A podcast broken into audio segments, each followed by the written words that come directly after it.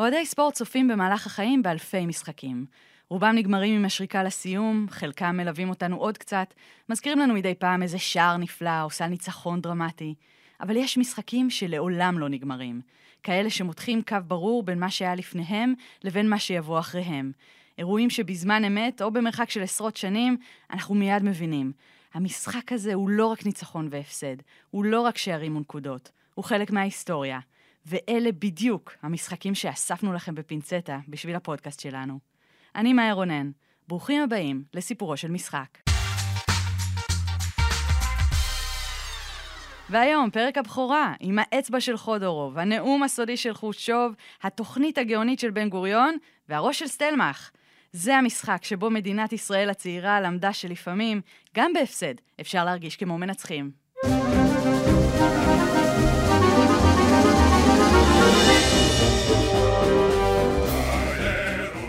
דוד נגד גוליית, הסיפור הקלאסי שבני האדם מספרים לעצמם אלפי שנים על ניצחון כנגד כל הסיכויים, על אמונה ותושייה. הסיפור הזה מתרחש כמובן גם בספורט. אנדרדוג מוחלט שמנצח יריב אימתני ומעורר בנו השראה. כשנבחרת ישראל בכדורגל פגשה את ברית המועצות במוקדמות הטורניר האולימפי ב-1956, זה היה הסיפור הקלאסי של דוד נגד גוליית, רק בלי הסוף הטוב. בעצם, גם את הסוף האמיתי הצלחנו לספר לעצמנו אחרת. מוסקבה.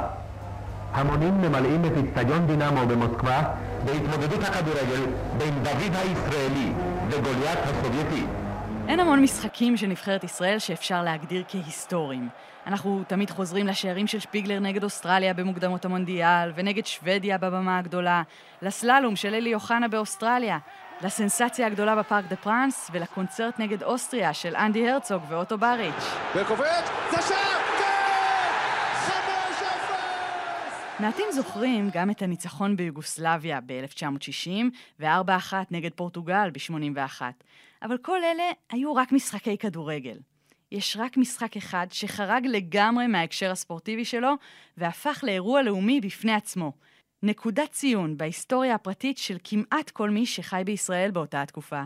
מיליון וחצי איש חיו בישראל ב-1956, 60 אלף מהם נדחסו לאיצטדיון רמת גן, אבל כמו בכל מיתולוגיה, לפחות 200 אלף סיפרו במרוצת השנים שהם היו שם.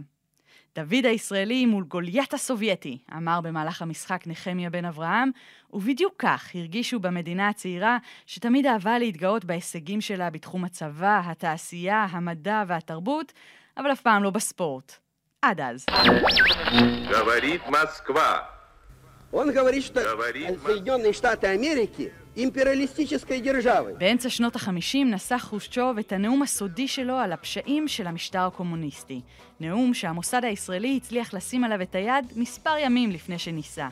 חצי שנה לאחר מכן, ברית המועצות כבר הייתה מדינה סגורה בפני הישראלים.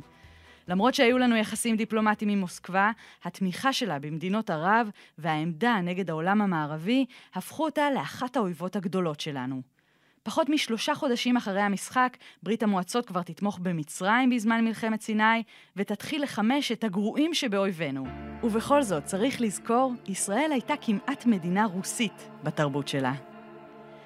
חלק עצום מהנהגת המדינה נולד ברוסיה, שההשפעה התרבותית שלה באותה תקופה הייתה הרבה יותר דומיננטית מההשפעה האמריקאית והאירופאית. בשומר הצעיר עוד דרגו לאימא רוסיה. למעשה, החלק המרכזי של התנועה הציונית היה סוציאליסטי, ובדרך כלל גם פרו-סובייטי. פנינו אל השמש העולה, שרו בתנועות הנוער, וכיוונו מזרחה, אל האימפריה של לנין וסטלין. ויותר מכל, בשנים הראשונות של המלחמה הקרה, ברית המועצות נחשבה שווה לארצות הברית כמעצמה הגדולה בעולם.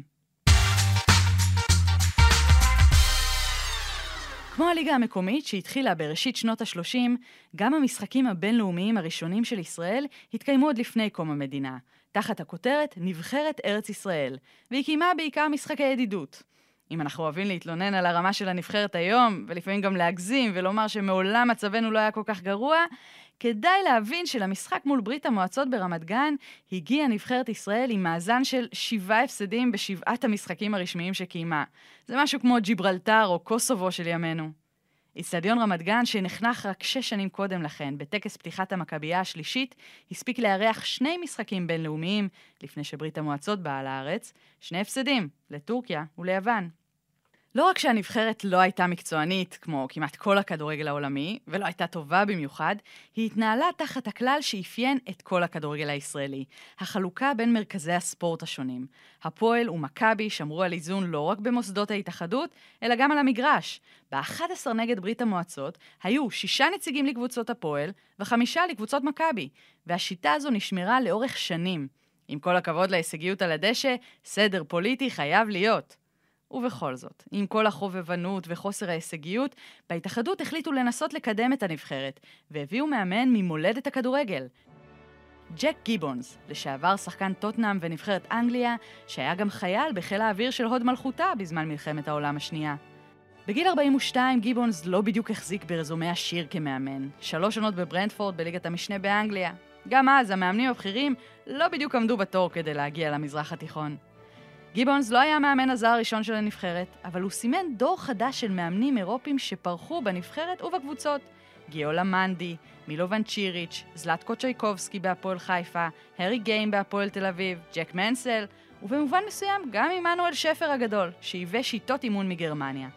אחרי קדנציה של שנתיים בנבחרת, גיבונס היה זה שבנה את הפועל פתח תקווה הגדולה, וזכה איתה בשלוש מחמש האליפויות הרצופות. רחביה רוזנבוים, חבר הנבחרת, נזכר. לא יכולת לפנות לו ולהגיד לו ג'ק או גיבונס או משהו, זה... היה כבוד הדדי, זה היה משהו שונה, אני אתן לך דוגמה. לקח אותנו לנתניה, לחוף הים, הוריד אותו, אמר תרדו, והוא אמר תעמדו, תסתכלו לים. בסדר, פתאום אני רואה, אנחנו ראינו שעה עשר וחצי כבר, קרוב לאחת עשרה, אז פנינו לסטלמך שהיה קפטן, אמר בוא'נה תשמע, אנחנו כבר עוד מעט חצות. הוא אומר שכאילו הוא העיר אותו מאיזה תרדמת. הוא אומר, או, יש, יש, יש. נורא עניין אותנו הנושא הזה של כל הנסיעה לנתניה לעמוד ולהסתכל למים. ואז אה, נשאלה השאלה, והוא אמר לנו שאין דבר מרגיע יותר מאשר לעמוד ולהסתכל לגלי הים. זה אני לא אשכח. בגלל המצב הפוליטי באותן שנים, ישראל נדדה באופן קבוע בין משחקים באסיה לבין משחקים באירופה. הנבחרת התחילה את דרכה במסגרת האירופית, אבל במקביל שיחקנו גם בגביע אסיה. בפעם הראשונה זה קרה חודש אחרי המשחק מול ברית המועצות, ושם התוצאות היו הרבה יותר טובות. מיד אחרי מלחמת ששת הימים נדדנו למזרח אסיה, אחר כך לאוקיאניה, ולבסוף, ב-92 חזרנו לוופא, למסגרת האירופית שהביאה לכאן אמנם לא מעט נבחרות גדולות, אבל לא ממש האירה לנו פנים מבחינת התוצאות.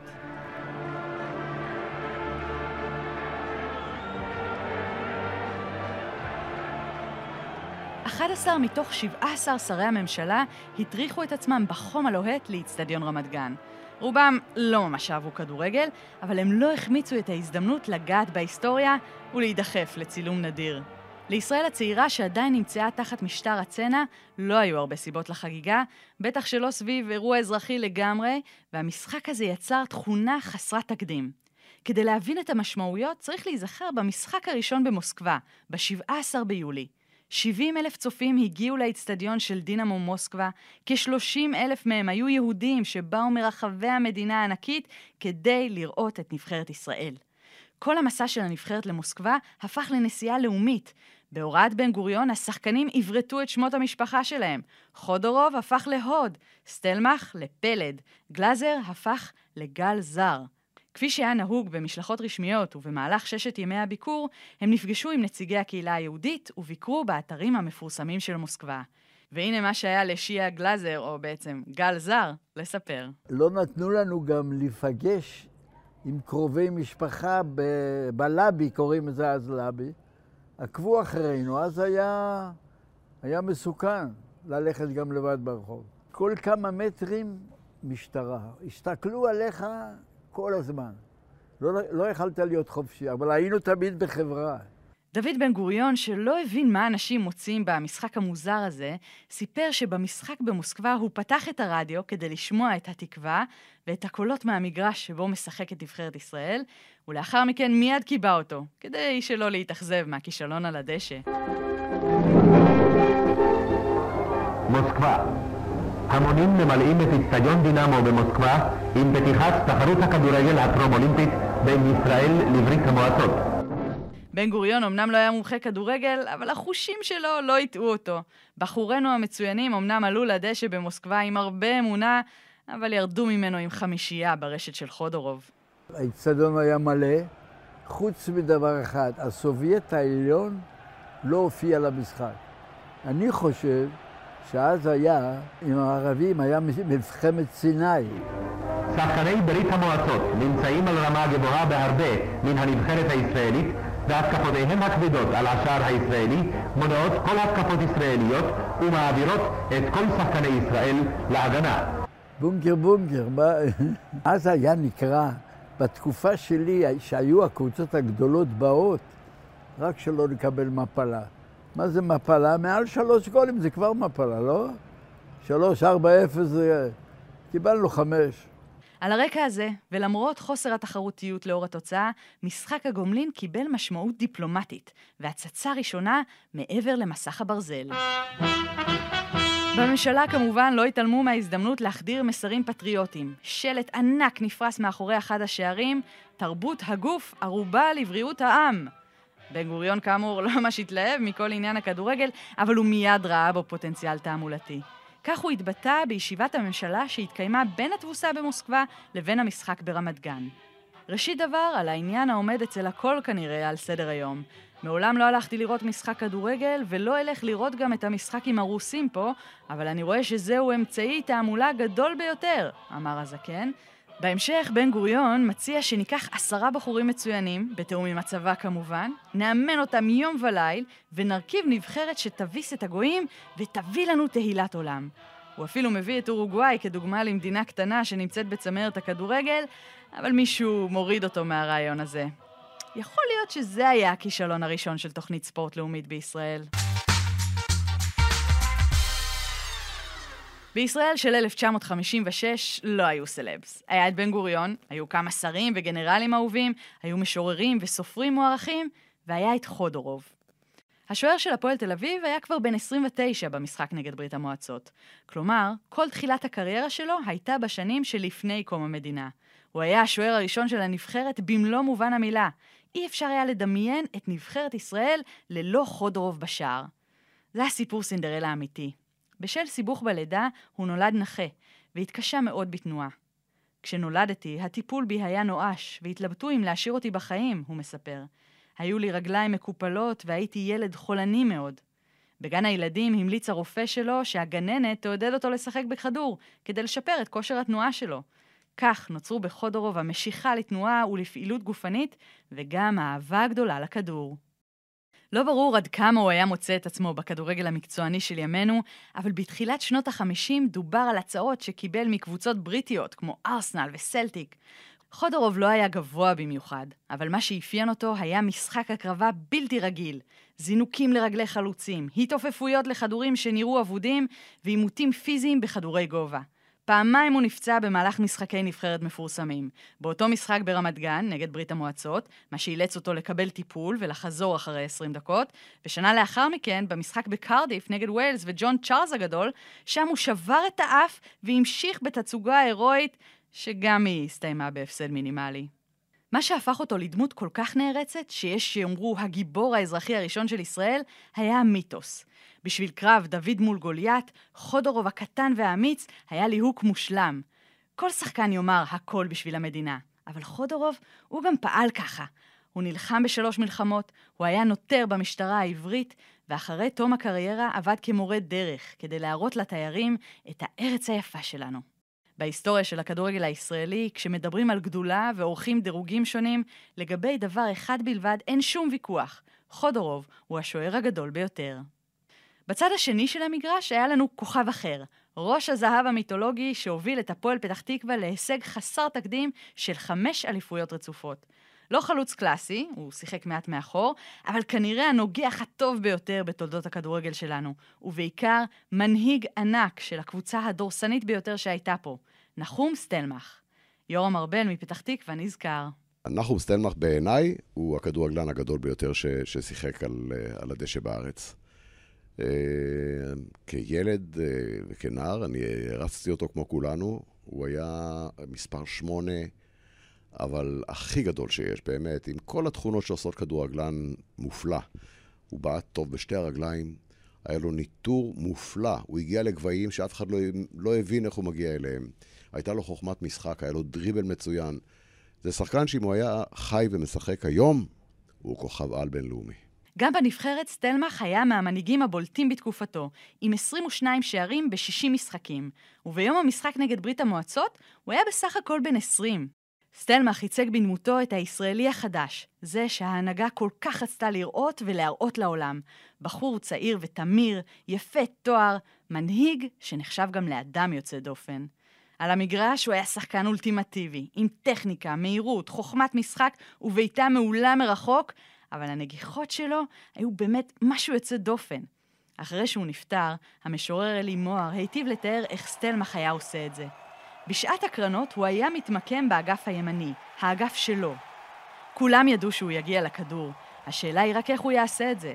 למרות ששומרים עליו שניים, למרות שהוא מרוחק כל כך מפקעת השחקנים שליד השער. ואז זה איכשהו קרה, כנגד כל הסיכויים.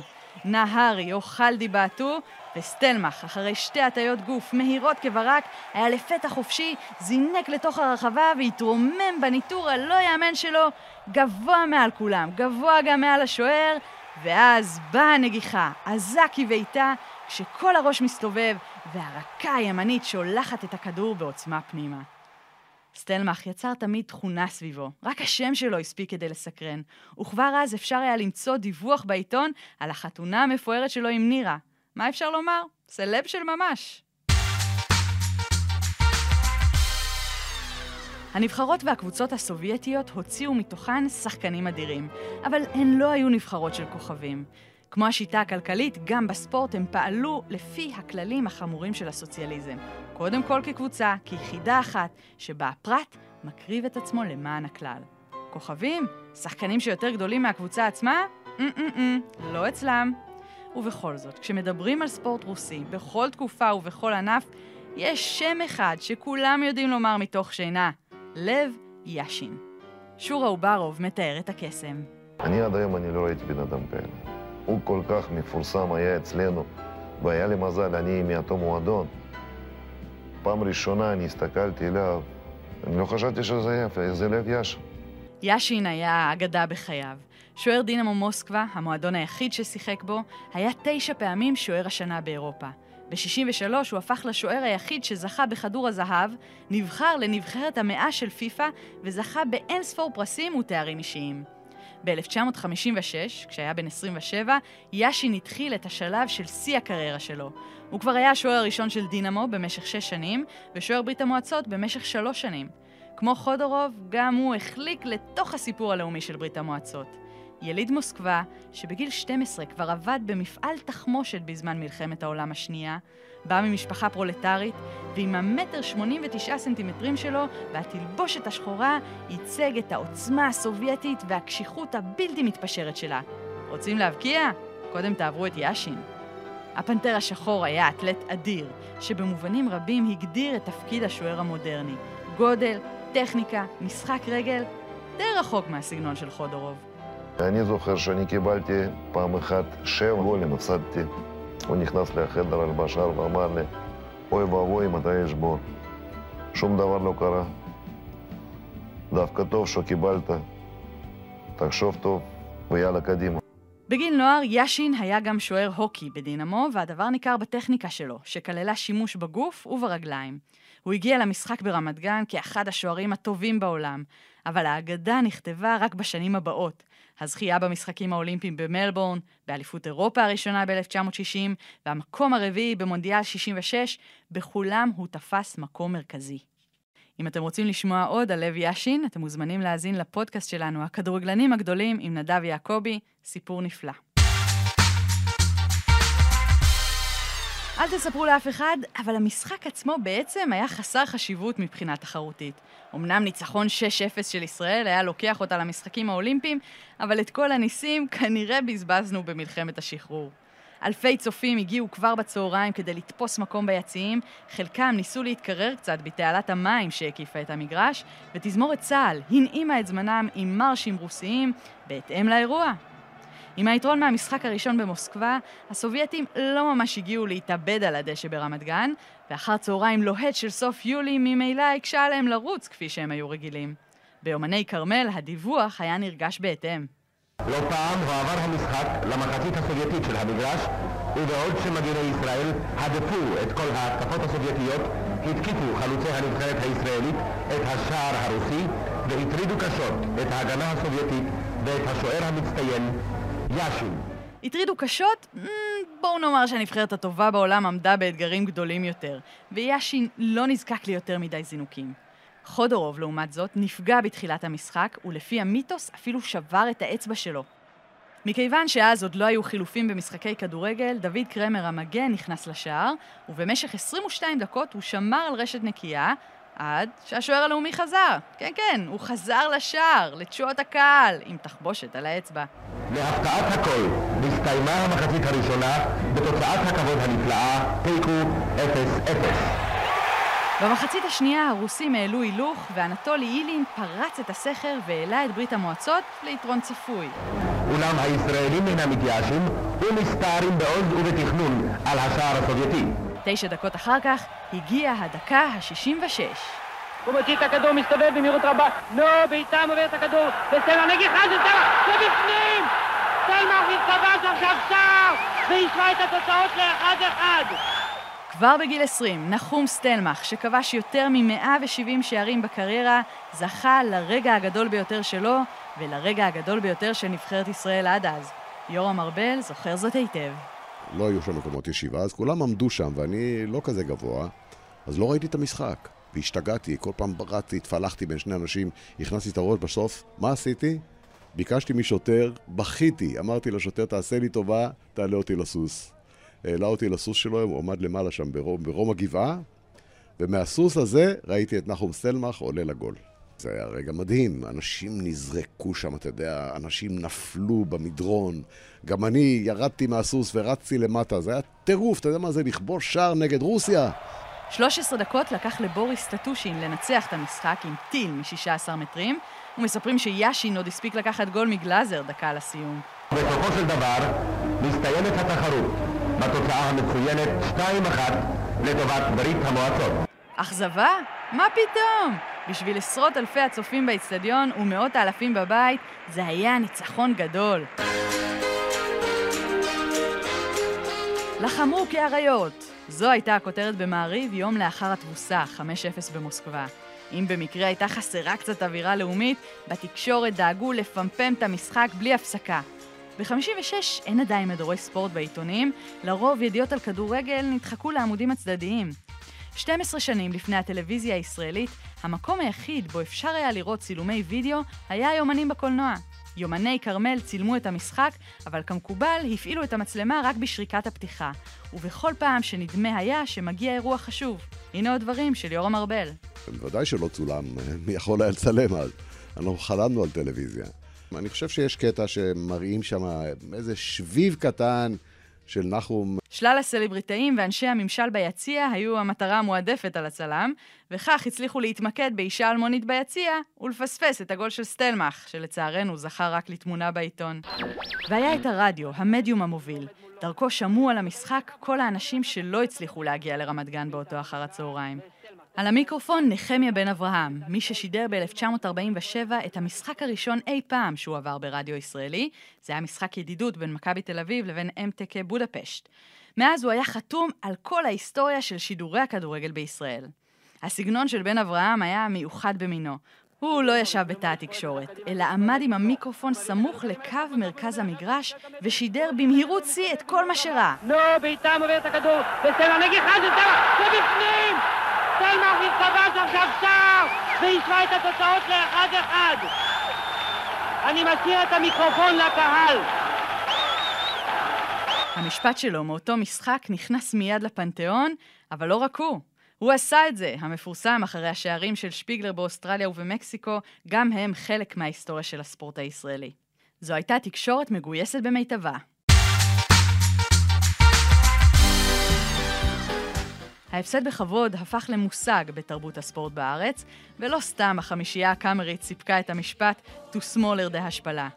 אפילו בשנות ה-90, כשישראל נכנסה שוב למסגרת האירופית, כל פעם ניסינו לגרד מחמאות אחרי הפסדים. מספר 16 הרשים אותי, אמר המאמן הצרפתי, רומני אירי, או רביבו הוא אחד הקשרים הטובים בספרד. במובן מסוים, לאור יחסי הכוחות והנחיתות שלנו, זה די מתבקש לצפות להפסד מכובד. אבל בהצלחות המעטות בכל זאת גילינו, שאם רוצים לנצח, כדאי לבוא במחשבה אחרת. עד כאן הסיפור של שנות החמישים בארץ ישראל, שהיו עליזות גם בהפסדים. אני מזמינה אתכם להוריד את האפליקציה שלנו, חמש רדיו, ולהאזין לעוד מגוון של פודקאסטים, תוכניות ואפילו שידורים ישירים. את סיפורו של משחק ערך ותחקר ארנון דומיניץ. צוות ההפקה, ליז חסון ועידו בן נעים. עורך הסאונד, אורן חורש. עורך חמש רדיו, מנור בירמן. תודה לכולכם. נתראה בסיפור הבא.